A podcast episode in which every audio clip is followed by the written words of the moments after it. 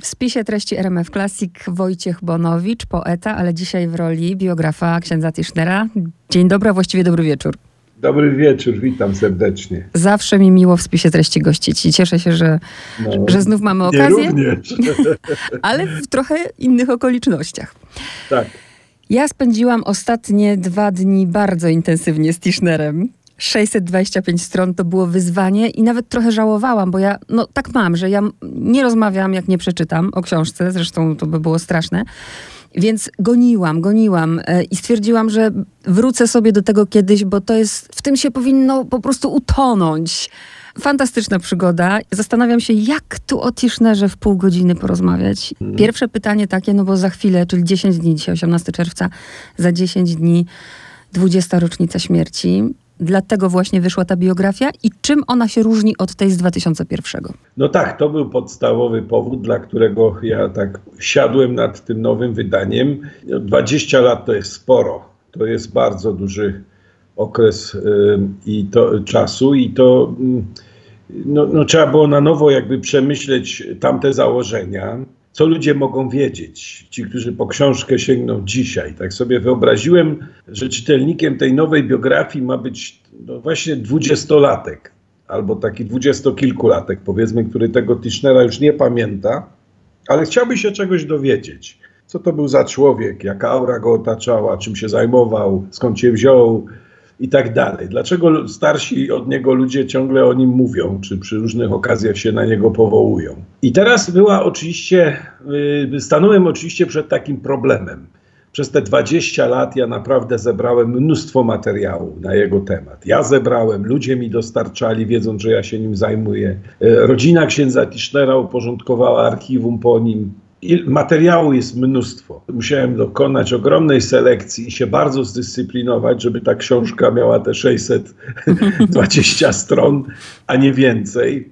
Y, dlaczego? Dlatego, że po prostu ta, te, tych obszarów aktywności Tischnera było bardzo dużo, tych ciekawych aspektów jego życia, anegdot, zabawnych, ale też takich pokazujących go w, w rozmaitym świetle, było bardzo dużo jak to wszystko y, zacząłem sumować, to zobaczyłem, że ta biografia naprawdę się rozrasta. Co zrobiłem? Mianowicie prawie połowa tej książki to jest, to, to jest tekst zupełnie nowy. Albo w ogóle traktujący o nowych sprawach, albo na nowo opisujący coś, co już kiedyś opisałem, ale dzisiaj wiem na ten temat więcej, wiem trochę dokładniej, sprawdziłem, doczytałem jeszcze coś, coś znalazłem. Nowe są na przykład takie wątki dotyczące jego dzieciństwa i młodości, o których nie mogłem wiedzieć wtedy, bo nie był znany jego dziennik z okresu licealnego chociażby. Yy, nowe są wątki dotyczące inwigilacji Tischnera, śledzenia Tischnera przez Służbę Bezpieczeństwa. On był bardzo mm, intensywnie śledzony, zwłaszcza w latach 80. Yy, ta obserwacja była bardzo taka wnikliwa. Yy, miałem okazję zajrzeć do akt paszportowych Tischnera, więc kiedy w pierwszej biografii pisałem, jakie miał kłopoty z otrzymaniem paszportu, to pisałem trochę no, kierując się mm, tym, co on sam mówił, ale dzisiaj mogłem to sprawdzić, jak wyglądały odmowy, jakie były powody tych odmów i tak dalej. Może komuś się wydać, że to są detale, ale z takich detali buduje się ta historia. Prawdę mówiąc, historia każdego z nas buduje się w ten sposób i dobrze jest takie fakty znać, ustalić z całą pewnością, żeby zobaczyć też, jak to życie, z jakimi kłopotami się to życie mierzyło. I może jeszcze jedna rzecz, o której wspomnę. W tej książce wykorzystuję dużo więcej korespondencji, do której wcześniej też nie miałem dostępu, nie była uporządkowana. Zwłaszcza na dwa obszary bym zwrócił uwagę. Korespondencja Tischnera z z, z papieżem Janem Pawłem II. Tuż po wyborze Wojtyły właśnie na papieża, jak i pod koniec życia Tischnera. Bardzo ciekawa, bardzo dramatyczna w, tym, w tej drugiej swojej części, y, bardzo wiele mówiąca o, o, nich obu. Ale też korespondencja wcześniejsza z Romanem Ingardenem. Mm. Tak się składa, że w internecie w tej chwili jest dostępne właściwie całe archiwum Romana Ingardena, jego listy, jego wykłady, stworzono taką specjalną stronę gdzie można bardzo łatwo wyszukiwać, przeszukiwać te dokumenty. No i tam znalazłem listy y, księdza Tischnera pisane z, z Belgii, w czasie właśnie jego pierwszego wyjazdu zagranicznego, kiedy on opisuje Ingardenowi, jak tam te jego zajęcia na zachodzie wyglądają, jak w ogóle odbiera ten zachód, jak odbiera filozofię. Ja do tego wszystkiego nie miałem wcześniej, jeszcze raz to podkreślę, dostępu, więc ten portret się naprawdę bardzo wzbogacił. On, ten Kiszter się mi, jeszcze jakby jawi jeszcze, jeszcze ciekawszy przez te wszystkie, przez te wszystkie y, szczegóły. Miałam wrócić do czego innego, ale skoro już o profesorze Ingardenie, no mhm. to obaj umarli w czerwcu, bo Ingarden 14 y, czerwca i minęła 50. rocznica śmierci. Tak. Też taka właśnie mm, symboliczna, zresztą rok ingardenowski. A Tischner, jakby nie było, chyba Ingarden, mo można tak powiedzieć, z całą pewnością go ukształtował jako filozofa na pewno. Tak, no Tischner to wprost mówił, że Ingarden był jego mistrzem mistrzem. Nawet jeśli filozofia, którą potem y, Tischner uprawiał, mm, odeszła trochę od y, takiej ścisłej fenomenologii, którą się Ingarden zajmował, to jednak no, jemu Tischner zawdzięczał, myślę, sposób w ogóle formułowania problemów, wybór tematów. I Garden napisał taką głośną książkę Spór o istnienie świata. W pewnym sensie podziękowaniem ze strony Tischnera była książka, którą pisał, kończył już właściwie pisać w chorobie pod koniec życia Spór o istnienie człowieka. Tematem zasadniczym Tischnera był jednak człowiek, konkretnie spotkanie człowieka z drugim człowiekiem. To nie był temat typowo ingardenowski, bo Ingardena trochę inne problemy zajmowały, ale sposób podejścia, jaki prezentuje Tischner, dużo z Ingardena zaczerpnął. Z takiego spojrzenia, które y, bada zjawiska, w tym przypadku, w przypadku Tischnera, zjawisko właśnie spotkania, ten sposób, że, że szuka w nim najistotniejszych elementów. Co naprawdę się w spotkaniu dzieje. I tak jak ta książka cała, bo ja, ja cały czas mam wrażenie takiej, nawet nie wiem jak to nazwać, no. takiej dwoistości, bo tak, z jednej strony w, są poważne tematy, a za chwilę anegdota, tak. w, gdzie przychodzi tak. do Ingardena zdawać dydaktyka, a Ingarden mówi, ja o tym nie będę z panem rozmawiał. I piątka od tak, razu. O filozofii weźmy. piątkę do indeksu od razu. Tak, no, bo, bo on wie, że Tischner wie. Tak, tak. Nie ma tak. powodu, żeby... No, to jest takie...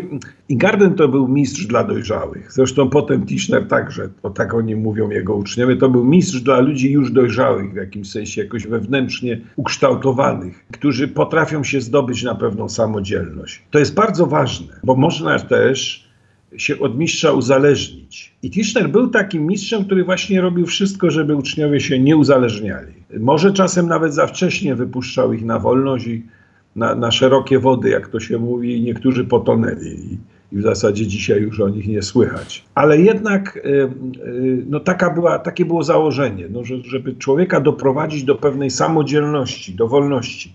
To samo robił jako duszpasterz, to samo robił w innych dziedzinach w innych dziedzinach życia. Do czego chciałam nawiązać, że ta książka jest dokładnie taka, jak był Tischner. Tak mi się wydaje na, na tą wiedzę, którą ja posiadam. Bo z jednej strony są bardzo poważne tematy, z drugiej okraszone anegdotami fantastycznymi. A Tischner przecież w kazaniach, tak jak mówił, nie ma pustych przebiegów, nie ma pustych słów. Kazanie 15-minutowe, ale trzeba być w skupieniu, a za chwilę po prostu no, wesoły człowiek, taki z krwi i kości.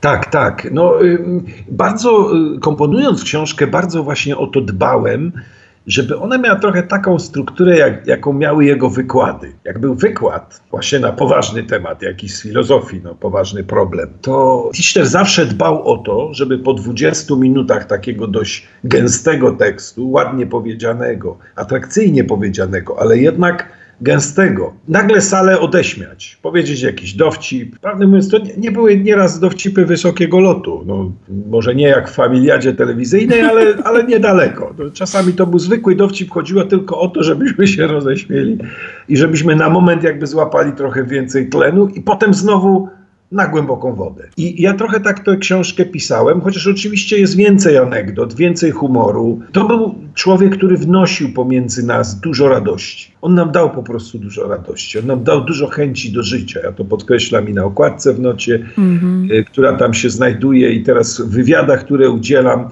pytają mnie ludzie, co panu dał Tischner. On mi dał po prostu radość życia także.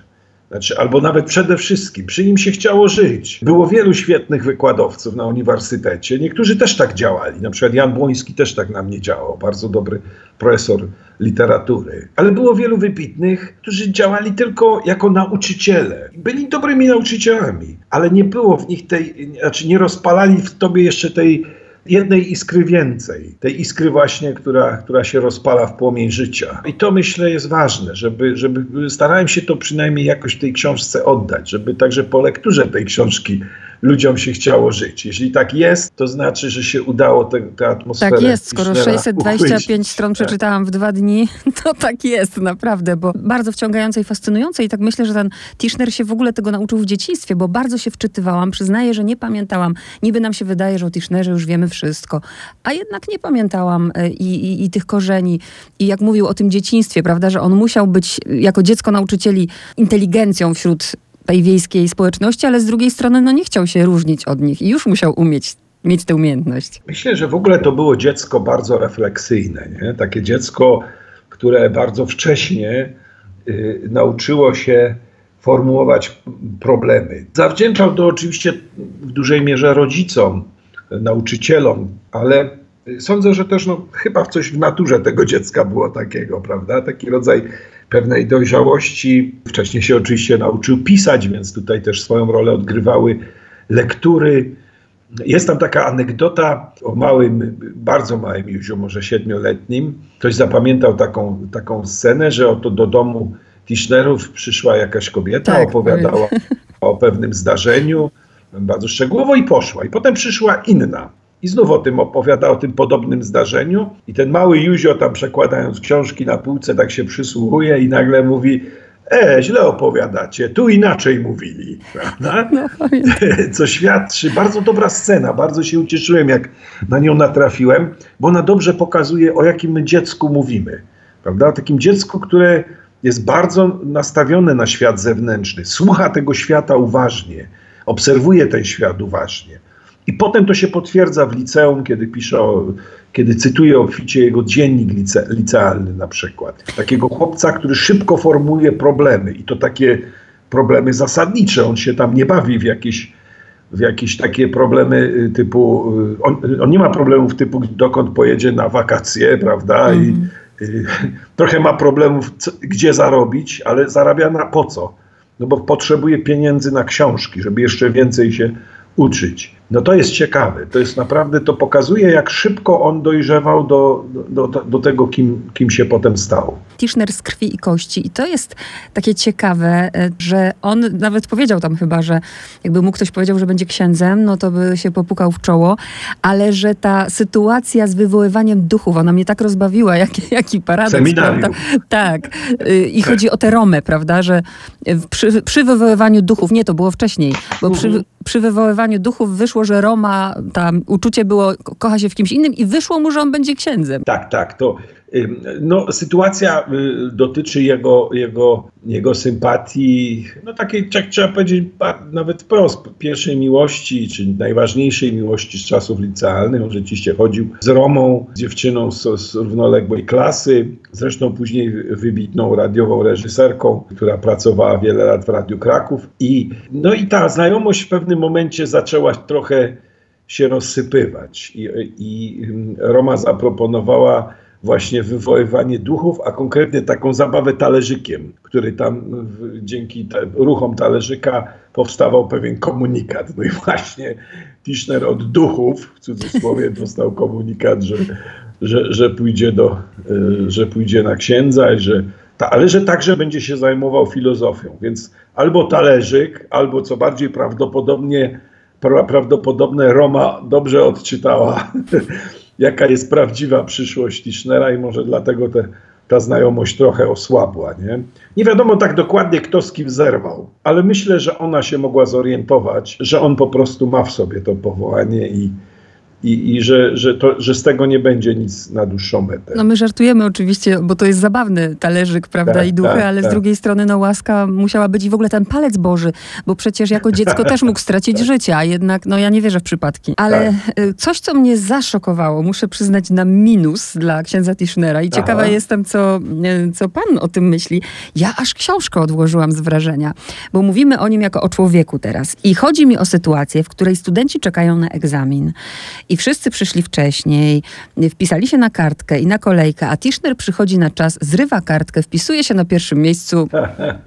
To taka cecha nieładna. Tak, tak, tak, tak. Tak, tak trzeba powiedzieć, że, że, że jako młody człowiek na pewno miał w sobie trochę takiej bezczelności, nawet bym powiedział, prawda? Takiej bezczelności lidera, kogoś, kto wie, że ma nad innymi przewagę i, i, że budzi wśród nich szacunek. Ta scena rzeczywiście, y, ja, to, ja tę scenę bardzo lubię, bo ona pokazuje też potem, jaką drogę Tischner tak naprawdę przebył. To znaczy od kogoś takiego, kto, kto mógł zostać takim buńczucznym, prawda, może trochę zarozumiałym nawet młodzieńcem, do kogoś, kto, kto był człowiekiem pełnym pokory, w ogóle jakby nie, nie zainteresowanym władzą, trochę skrępowanym tym rozgłosem, które budził, trochę grającym z nami pewną grę, popularność i tak dalej. I to, to, jest, to jest rzeczywiście ciekawe, że, że z charakteru to, to była osoba bardzo mocna, osoba, która mogła innych dominować, prawda, jakoś nimi nad nimi panować. A jednak jakoś to w sobie powściągnął do tego stopnia, że kiedy po latach, prawda, pojawiły się informacje, że może papież będzie go chciał zrobić biskupem, a może nawet prymasem, to się bronił tak. rękami i nogami przed tym.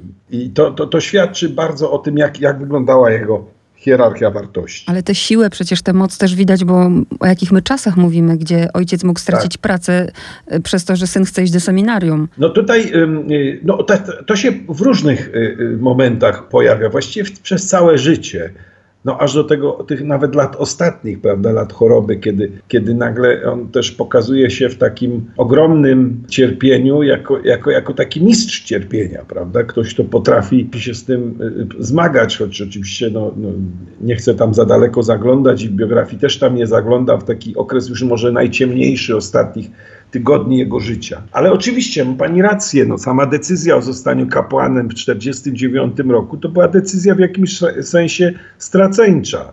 Tak. No co, biskupi szli do, do aresztu, prawda, za chwilę, no parę lat później internowano prymasa. Nie wiadomo było, co naprawdę czeka tego chłopca. Nie wiadomo było, co czeka jego rodzinę. A gdyby prześladowania przybrały taki charakter bardziej gwałtowny. No, mogło tak być. Nikt nie mógł powiedzieć, że tak nie będzie, że Polska, że, że ten stalinizm w Polsce potrwa tylko kilka lat. No, to jest ciekawe, że on y, w seminarium jest właśnie w tych latach najcięższych, co trochę go chroni jednak przed tym światem zewnętrznym, ale trochę też formuje jego postawę na przyszłość. Ktoś, kto się takich rzeczy po prostu wielu rzeczy się nie wystraszył wtedy, potem się już byle czego nie przestraszy. Także jak Tischnera rozmaitymi rzeczami straszono, prawda? I, i tym, że w Rzymie go osądzą i w Watykanie i nawet donosy dla niego do Watykanu składano, no to jeśli ktoś liczył na to, że to Tischnera wystraszy, to był naiwny. To było pokolenie, które przeszło przez wojnę, więc już, już, już samo to uczyniło je trochę twardszym i dojrzalszym. No a seminarium w takich czasach, w pierwszej połowie lat 50., kiedy Kościół był w, w bardzo dużym zwarciu z państwem, y, z PRL-em, no też po prostu jakoś tych ludzi zahartowało. I myślę, że ponieważ sama nie wierzę w przypadki, y, więc dobra, tak musiało być, ale z drugiej strony taki łód szczęścia miał w życiu, bo chociażby fakt, że jako jeden z niewielu, bo tam chyba są nawet liczby, mógł studiować, prawda, będąc w seminarium, że na to się zgodzili, bo dopiero po Wojtyle się to zmieniło. W tym sensie, że mógł kontynuować tak. studia na świecie świeckiej uczelni tak. jako ksiądz, bo w ogóle kontynuowanie studiów było dużym przywilejem. Skończyłeś seminarium, do roboty. Ale niektórzy dostawali taki, taki przywilej od, od arcybiskupa i kardynała później, który był ordynariuszem diecezji. No, Tischner miał tu dużo szczęścia. Prawdę mówiąc, tę książkę całą można przeczytać trochę jako historię szczęścia, tak. także szczęśliwych przypadków, szczęśliwych spotkań, bo przecież on się dostał na świeckie studia jako ksiądz w 57 roku. Niby była odwilż, ale jednak księża byli niemile widziani na państwowych uczelniach i to był raczej wyjątek, a zawdzięczał ten wyjątek tylko temu, że dziekanem Wydziału Filozoficznego na UJ wtedy był nie kto inny, tylko Henryk Barycz, daleki kuzyn jego ojca. Więc ten zbieg okoliczności, prawda, to, trochę ta, to, że miał taki rodzaj wsparcia, prawda, to, to na pewno mu pomogło. I to, to widać w różnych momentach. No samo spotkanie z Wojtyłą było szczęśliwym spotkaniem. Ja po wielu rozmowach z księżmi z różnych stron Polski um, umocniłem się w takim zdaniu, że w innej diecezji Tischner może nie byłby niemożliwy, ale na pewno byłby inny, miałby o wiele trudniej. Tutaj jednak był profesorem, Wojtyła go bardzo wysoko cenił, jako, jako wykładowcę filozofii, jako partnera takiego filozoficznego, jako organiz- organizatora różnych wydarzeń. Powierzał mu różne no, takie ważne sprawy. No, zrobił go duszpasterzem krakowskiej inteligencji i tak dalej. To nie wiem, czy na przykład w Warszawie, czy w Poznaniu to byłoby możliwe wtedy. Więc to jest, to, to, może rzeczywiście mówić o, o wielkim szczęściu, że te, jakby te spotkania kolejne nie tylko go uformowały, każdego z nas spotkania jakoś formują, ale że one mu też pomogły poprowadzić taką ścieżkę, wytyczyć taką ścieżkę, jaka jego najbardziej interesowała. My byśmy mogli tu, ja tu widzę, wątki mi się otwierają do rana rozmawiać, ale podsumowując już Tischnera jako człowieka, to chciałabym, żeby pan przywołał, bo myśmy to nawet przy ostatnim spotkaniu pan mi to mówił i to bardzo mi się podobało o tym, że kiedy wchodzi do pokoju, to drzwi się otwierają. Tak, jakby się drzwi otwierały w człowieku. To, to nie jest właściwie moje sformułowanie, nie pamiętam już od kogo je usłyszałem, ale ono mi szalenie zapadło tak w pamięć, bo było bardzo prawdziwe, bo ja tego po prostu doświadczyłem, że siedzimy w pokoju redakcyjnym w miesięczniku Znak, jest połowa lat 90., ja wtedy zacząłem pracować tam i, i mamy taki pokój, gdzie wszyscy nad biurkami jesteśmy pochyleni i nagle się otwierają drzwi i wchodzi Tischner. Oczywiście myśmy się zawsze podrywali, ktokolwiek wchodził, ale z Tischnerem wchodziło coś jeszcze, jakiś rodzaj takiej energii, którą dobrze wyraża ta metafora otwartych drzwi, nie? że on w nas coś rzeczywiście otwierał. No, no taki rodzaj, sami się stawaliśmy jakoś bardziej chłonni, bardziej skłonni do, do, do rozmowy, do, do szukania y, wspólnie odpowiedzi na rozmaite pytania. Nie? To, to, to są bardzo ważne takie osoby. Jak się je spotyka w życiu, to one potem, to nie chodzi o to, że my od nich to coś innego usłyszymy, tylko że my się uczymy takiej pewnej postawy chłonności właśnie, takiej dobrej zachłanności, a nie zachłanności na, na rozmaite rzeczy, do, które można by posiadać, kupić i tak dalej, tylko takiej zachłanności myślenia właśnie, żeby rozwiązywania problemów świata najpierw w głowie, zanim się potem je zacznie rozwiązywać w innych miejscach. To tak jak czytałam i zazdrościłam y, księdzu Tischnerowi Romana Gardena, tak panu zazdroszczę księdza Tischnera, bo tak, spotkać tak. swoich I słusznie, ludzi. Tak. I słusznie, bo to taka znajomość, że jakoś się na człowieku odciska. Odciska się moim, według mnie bardzo głęboko. Ja muszę powiedzieć i to mocno podkreślić, bo czasem się pojawiają takie błędy w informacjach. Myśmy nie byli zaprzyjaźnieni. To był jednak profesor. Ja go traktowałem jako mojego profesora. On był niesłychanie sympatyczny, niesłychanie uprzejmy i tak bardzo poważnie nas też traktował jako takich partnerów rozmowy. Słuchał, co mówimy, i tak dalej, ale to był, ja, ja, ten dystans bardzo szanowałem. Dla mnie to było ważne, że nie byliśmy po imieniu nawet, tylko, tylko jednak był, w ten sposób się też człowiek sobie wybiera różne autorytety, prawda? Oczywiście, że gdybyśmy byli po imieniu, prawdopodobnie też był, byłby dla mnie autorytetem, ale trochę jakby z mojej strony coś by się zmieniło, nie? A tak to zostałem trochę w takiej pozycji kogoś, kto może powiedzieć, ksiądz Tischner. Mówię czasem Józek, bo tak o nim mówiliśmy, Józek, Józef, ale tak naprawdę myślę o nim najczęściej Tischner, ksiądz Tischner, prawda? Ktoś, kogo miałem szczęście spotkać. Zastanawiam się też, może, może to, co powiem jest krzywdzące, bo może tak nie jest, ale ja mam takie wrażenie, że w takiej ogólnej, stereotypowym myśleniu o Tischnerze jako filozofię, to jednak bardzo siedzi ta, ta filozofia góralska, tak. trzy rodzaje prawdy. Choćby krótko powiedzmy właśnie o filozofii Tischnera. Znaczy powiedzmy powiedzmy o tym, co jest jego zasadniczym o, tematem. Tak. Prawda? To jest y, jego główna książka filozoficzna, nosi tytuł Filozofia dramatu. Czasem słowo dramat rozumie się tak rodzajowo, że no to jeden z trzech rodzajów literackich, prawda? Dramat to jest to, co jest napisane dla teatru. Oczywiście nie chodzi tu ani o taki dramat, ani też o jakieś życiowe komplikacje, życiowe katastrofy, o których mówimy, że to są życie, dramaty naszego życia. Chodzi o taką wizję człowieka, której człowiek jest jakby aktorem na, na pewnej scenie. Ale aktorem nie w tym sensie, że coś udaje, tylko że po prostu do, dostaje do, do, do dyspozycji swoje życie i ma to życie odegrać. Ma to życie zagrać. Ma jedną okazję, żeby się na tej scenie pojawić i ma na tej scenie coś, coś interesującego i dobrego zrobić. I od razu wiadomo, że nie jest na tej scenie sam. W związku z tym kluczowe pytanie Tischnera brzmiało, jak my się odnajdujemy na scenie wobec innych ludzi co oni z nami robią, co my z nimi możemy zrobić. Jak sprawić, żeby to spotkanie na scenie nie było spotkaniem niszczącym, prawda? Żeby ono nie owocowało wrogością, tylko żeby ludzie się odnaleźli jako podobni do siebie, jako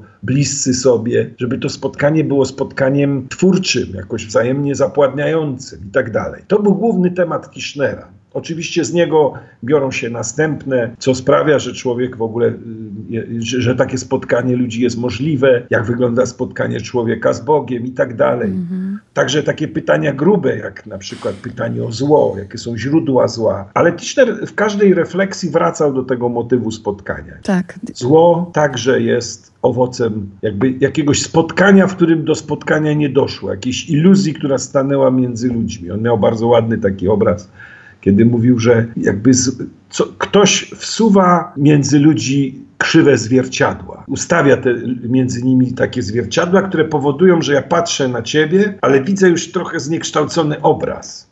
No już, już, już to nie jesteś ty tak naprawdę, tylko widzę coś, coś zniekształconego. Cały wysiłek myślenia polega na tym, żeby jakby rozbić to, co, co, co staje między nami, co, ten co właśnie ten obraz deformuje. To dzisiaj widzimy. No nawet obserwując właśnie życie polityczne w Polsce, to, to co się dzieje w kampanii wyborczej, jak szybko powstają jak też często świadomie na tę polityczną scenę są wnoszone takie zwierciadła. Po, o, popatrzcie, tu są wrogowie, to są ci właśnie niebezpieczni, prawda? Ale myślę, że Tischner by nas pocieszył i powiedział, nie martwcie się, to wszystko ma sens. No, to znaczy, tak, taką, to znaczy to, co robisz złego, nie, nie, nie bardzo ma sens, tylko on by pokazał, to nie, on nie był aż tak na, taki optymista, że tak powiem, że a nie ma się czym martwić, bo ostatecznie prawda, zwycięstwo jest po stronie rozumu. Nie, ty właśnie masz obowiązek nieustannie dokonywać takiego oczyszczenia, właśnie rozbijania tych swoich złudzeń, cudzych złudzeń, prawda? Natomiast gdzieś u spodu, ma pani rację, u spodu tej filozofii jest takie optymistyczne założenie, że po pierwsze człowiek istnieje, nie jest tylko konstruktem różnych elementów takim płynnym, a po drugie, że człowiek ma w sobie taką siłę, żeby ze zła wyprowadzić dobro. No i pamiętam, jak przy alfabecie mówiliśmy jeszcze o najważniejszym słowie w, i, i, to też z filozofią się łączy nadzieja. Wie pani, to nadzieja to jest w ogóle jeszcze ciekawa sprawa. No myśmy wtedy dużo o tym rozmawiali. Nie? Jak bardzo trudno właściwie zdefiniować, czym ona jest. Filozofowie nie, nie są za bardzo tutaj, nie, nie, czy nie są dużo mądrzejsi od nas wszystkich. Bo nadzieja jest pewnym takim poruszeniem ducha, które bierze się trochę ze słów. Bardzo ważną rolę odgrywa słowo w nadziei. Jak ktoś ma taki pełen nadziei sposób mówienia, i, i, chętnie o tej nadziei mówi, ale też y, mówi w sposób taki przekonujący, to my, to my te słowa chłoniemy jak gąbki, prawda? Bo, bo bardzo nam to jest do życia potrzebne. Ale w gruncie rzeczy na, na, nadzieja płynie też z bardzo konkretnych ludzkich decyzji. To jest bardzo takie ciekawe, że nadzieja rodzi te decyzje i decyzje potem powodują wzrost nadziei. Nawet jeśli świat wydaje się w danym momencie obracać ku, ku czemuś gorszemu. Ja na przykład patrzę no tak się cały czas odwołuje do współczesności, ale żeby się posłużyć obrazami, które są bliskie naszym słuchaczom i słuchaczkom, obserwuję tę kampanię wyborczą. I to, co może jest takie naj, najciekawsze w niej, to jest właśnie to, że ludzie się znowu mobilizują, że to nie jest taka kampania zimna albo rozgrzewana tylko negatywnymi emocjami. Ale jest sporo emocji również pozytywnych, gdzie ludzie mówią: zmiana jest możliwa, możemy robić to lepiej. Może być inaczej. Jest nawet jeden z kandydatów, który tak jakby cały program sformułował trochę na, na, takim pomyśle, że, że w ogóle moż, możemy życie polityczne przebudować, zorganizować inaczej. On ma dość wysokie poparcie. O czym to świadczy? Świadczy to o tym, że Kiszlew dobrze rozpoznawał człowieka. To znaczy uważał, że właśnie no, na tym polega nasza wielkość. W każdym momencie życia my możemy zmienić tego życia kierunek. Całe życie poświęciłeś, żeby, żeby łapać coś dla siebie, ale ty jutro możesz być zupełnie inny i zaczniesz dzielić się. Zaczniesz się dzielić, zaczniesz dawać, zaczniesz innym pomagać pomagać dochodzić do jakiejś równowagi życiowej i tak dalej, finansowej, niefinansowej, innej, prawda? Że człowiek ma to w sobie tą siłę, żeby jednego czasem dnia pod wpływem jakiegoś impulsu, albo pod wpływem jakiejś myśli, albo pod wpływem cudzego przykładu, mhm. nagle swoje życie odmienić. Nie? I wtedy zmienia się całe życie, wokół, cały też świat wokół niego, jego środowisko. To jest bardzo ciekawe dla mnie. Ta jego wiara, którą ja podzielam, od razu powiem. Znaczy, staram się też tak żyć i taką wiarą, wiarą świat nasycać. A ja też biorę sobie do serca, jak mówił, że trzeba myśleć, zastanawiać się, rozróżniać, a nie tak. po prostu przyjmować. No i kapłan. I teraz to było takie też ciekawe dla mnie w tej książce, pokazanie, bo łaska to jedno, relacje z Bogiem to jedno, ale pokazanie też tego bycia w robocie, jak to pan powiedział, tak. 250 spowiedzi piątki na przykład, nie? Kiedy on tak. ma studia. Może się nawet denerwował, że tak jest, ale później zobaczył w tym sens, bo gdyby nie kontakt właśnie, jak to powiedział, że nauczył się ludzi z konfesjonału. Filozofii, prawda? Filozofii, że ja się tak. filozofii uczyłem w konfesjonale. To jest bardzo ciekawe, taki też, takie kapłaństwo, które no właśnie w, w połączeniu z filozofią daje taki, staje się taką bardzo ciekawą propozycją dla ludzi w ogóle, atrakcyjną. Wydawałoby się, ja czasem robię taki eksperyment w szkole, pytam młodzież, z czym wam się kojarzy ksiądz? Ale tak szczerze macie mówić. A z czym wam się kojarzy filozof? Nie? I okazuje się, że to nie są, że tak powiem bardzo elegancko, najbardziej atrakcyjne skojarzenia i coś, co by, co by to młodzież ekscytowało. A tutaj mamy do czynienia z kimś, kto te dwie rzeczy połączy. Tylko problem polega na tym, ja tego nie powiedziałem w naszej części poświęconej filozofii, że filozofia to nie jest dyscyplina akademicka. Nie, nie to jest najważniejsze. Wykładał oczywiście i tak dalej, miał stopnie naukowe. Filozofia to jest sztuka życia, to jest sztuka mądrego życia. To jest sztuka pochylania się nad życiem, wyciągania wniosków z każdego takiego pochylenia. I to jest zasadnicza siła jego filozofowania. I w związku z tym ta filozofia no, nieuchronnie odżywiała się życiem. Skoro tak bardzo sama miała być życiem, to się musiała też życiem odżywiać. Także właśnie konfesjonałem, spotkaniami z innymi ludźmi. To jest bardzo charakterystyczne, że Tischner właśnie został zapamiętany przez wielu, go, którzy go znali jako taki człowiek, który nie zamyka drzwi na przykład. Że można zapukać. Wielu aktorów, aktorek, z którymi rozmawiałem, ma takie wspomnienia. Jest sytuacja kryzysu, bardzo głębokiego jakiegoś kryzysu życiowego, czasem związanego z wiarą, ale często nie związanego z wiarą wcale. I oni poszli i zapukali do Tischnera. Dwie godziny, czasem trzy godziny, prawda? Rozmowa aż do wyczerpania, aż do spodu. Jak ktoś myśli, że fenomen Tischnera, a wielu ludzi sądzę, że tak myśli, polegał na jego, nie wiem, błyskotliwej inteligencji, na tym, że wychodził, miał poczucie humoru, no to błysnął jakimś dowcipem, żartem, prawda? To moim zdaniem jest w błędzie. To znaczy widzi prawdę, ale tylko część tej prawdy. Tam w głębi jest Tischner, ksiądz, który poważnie traktuje tę robotę, powiedzieliśmy. I poważnie traktuje człowieka, który do niego przychodzi. Taki ksiądz od trudnych spraw, mówiono o nim w Krakowie. Ludzie całą Polskę nieraz jechali, żeby się u Tischnera wyspowiadać. W tym książce nie piszę, ale chciałem dodać taki rozdział, żałuję, że go nie do, do, dodałem, no ale byłaby strasznie gruba, gdybym ciągle coś dopisywał, o postaci Tischnera w kulturze popularnej. Jest taka scena w serialu 40-latek 20 lat później, kiedy Irena Kwiatkowska, postać grana przez Irenę Kwiatkowską, zwraca się do inżyniera Karwowskiego i mówi, panie inżynierze, pan mi się może wyspowiadać jak samemu księdzu Tischnerowi. Ta scena mo, może nam umknąć, jak oglądamy, nie? ale ale ona bardzo wiele mówi, jak Tischner był postrzegany. Inaczej scenarzysta nie wpisałby te, tego nazwiska do scenariusza. Nie? Znaczy był postrzegany jako człowiek, do którego możesz pójść. To jest dobry adres, to jest wiarygodny adres. To jest też to, że no, to wspomnienie o nim, jak mówię, w Krakowie szczególnie, ale nie tylko, jest tak silne, bo ileś ludzi jednak pod ten adres się wybrało. Od razu podpowiadam, że to może być oddzielna książka, panie Wojciechu. Oddzielna książka. Może, tak, tak, tak.